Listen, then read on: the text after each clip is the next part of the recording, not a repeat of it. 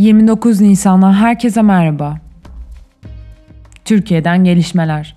Formula 1 geri döndü. Formula 1 yönetimi salgının seyrindeki belirsizlik nedeniyle 13 Haziran'daki Kanada Grand Prix'sinin iptal olduğunu ve yerine Türkiye Grand Prix'sinin dahil edildiğini açıkladı.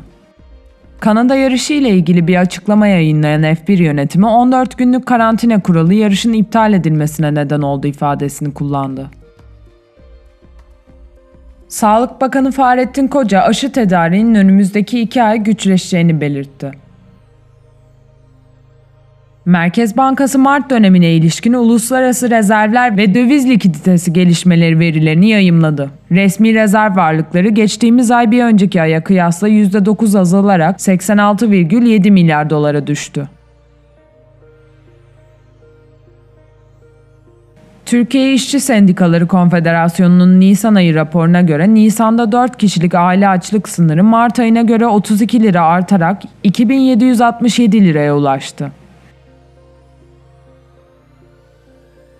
Rütük Üst Kurul üyesi Okan Konuralp, CHP Grup Başkan Vekili Engin Altay'ın Adnan Menderes benzetmesi açıklamalarını takiben, Cumhurbaşkanı'nın küçük düşmesine neden olduğu gerekçesiyle bahis konusu programın yayınlandığı KRT'ye %2'lik para cezası verildiğini açıkladı.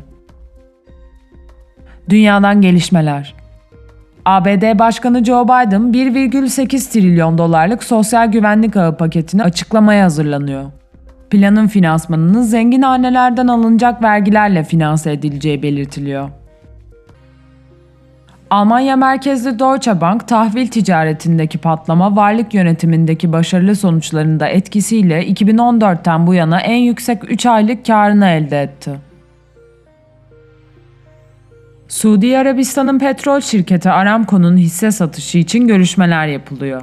Suudi Arabistan'ın resmi televizyon kanalına röportaj veren Veliaht Prensi Muhammed Bin Selman, Aramco'nun %1'lik hissesinin satışı için olası şirketlerle görüşmeler yürütüldüğünü belirtti.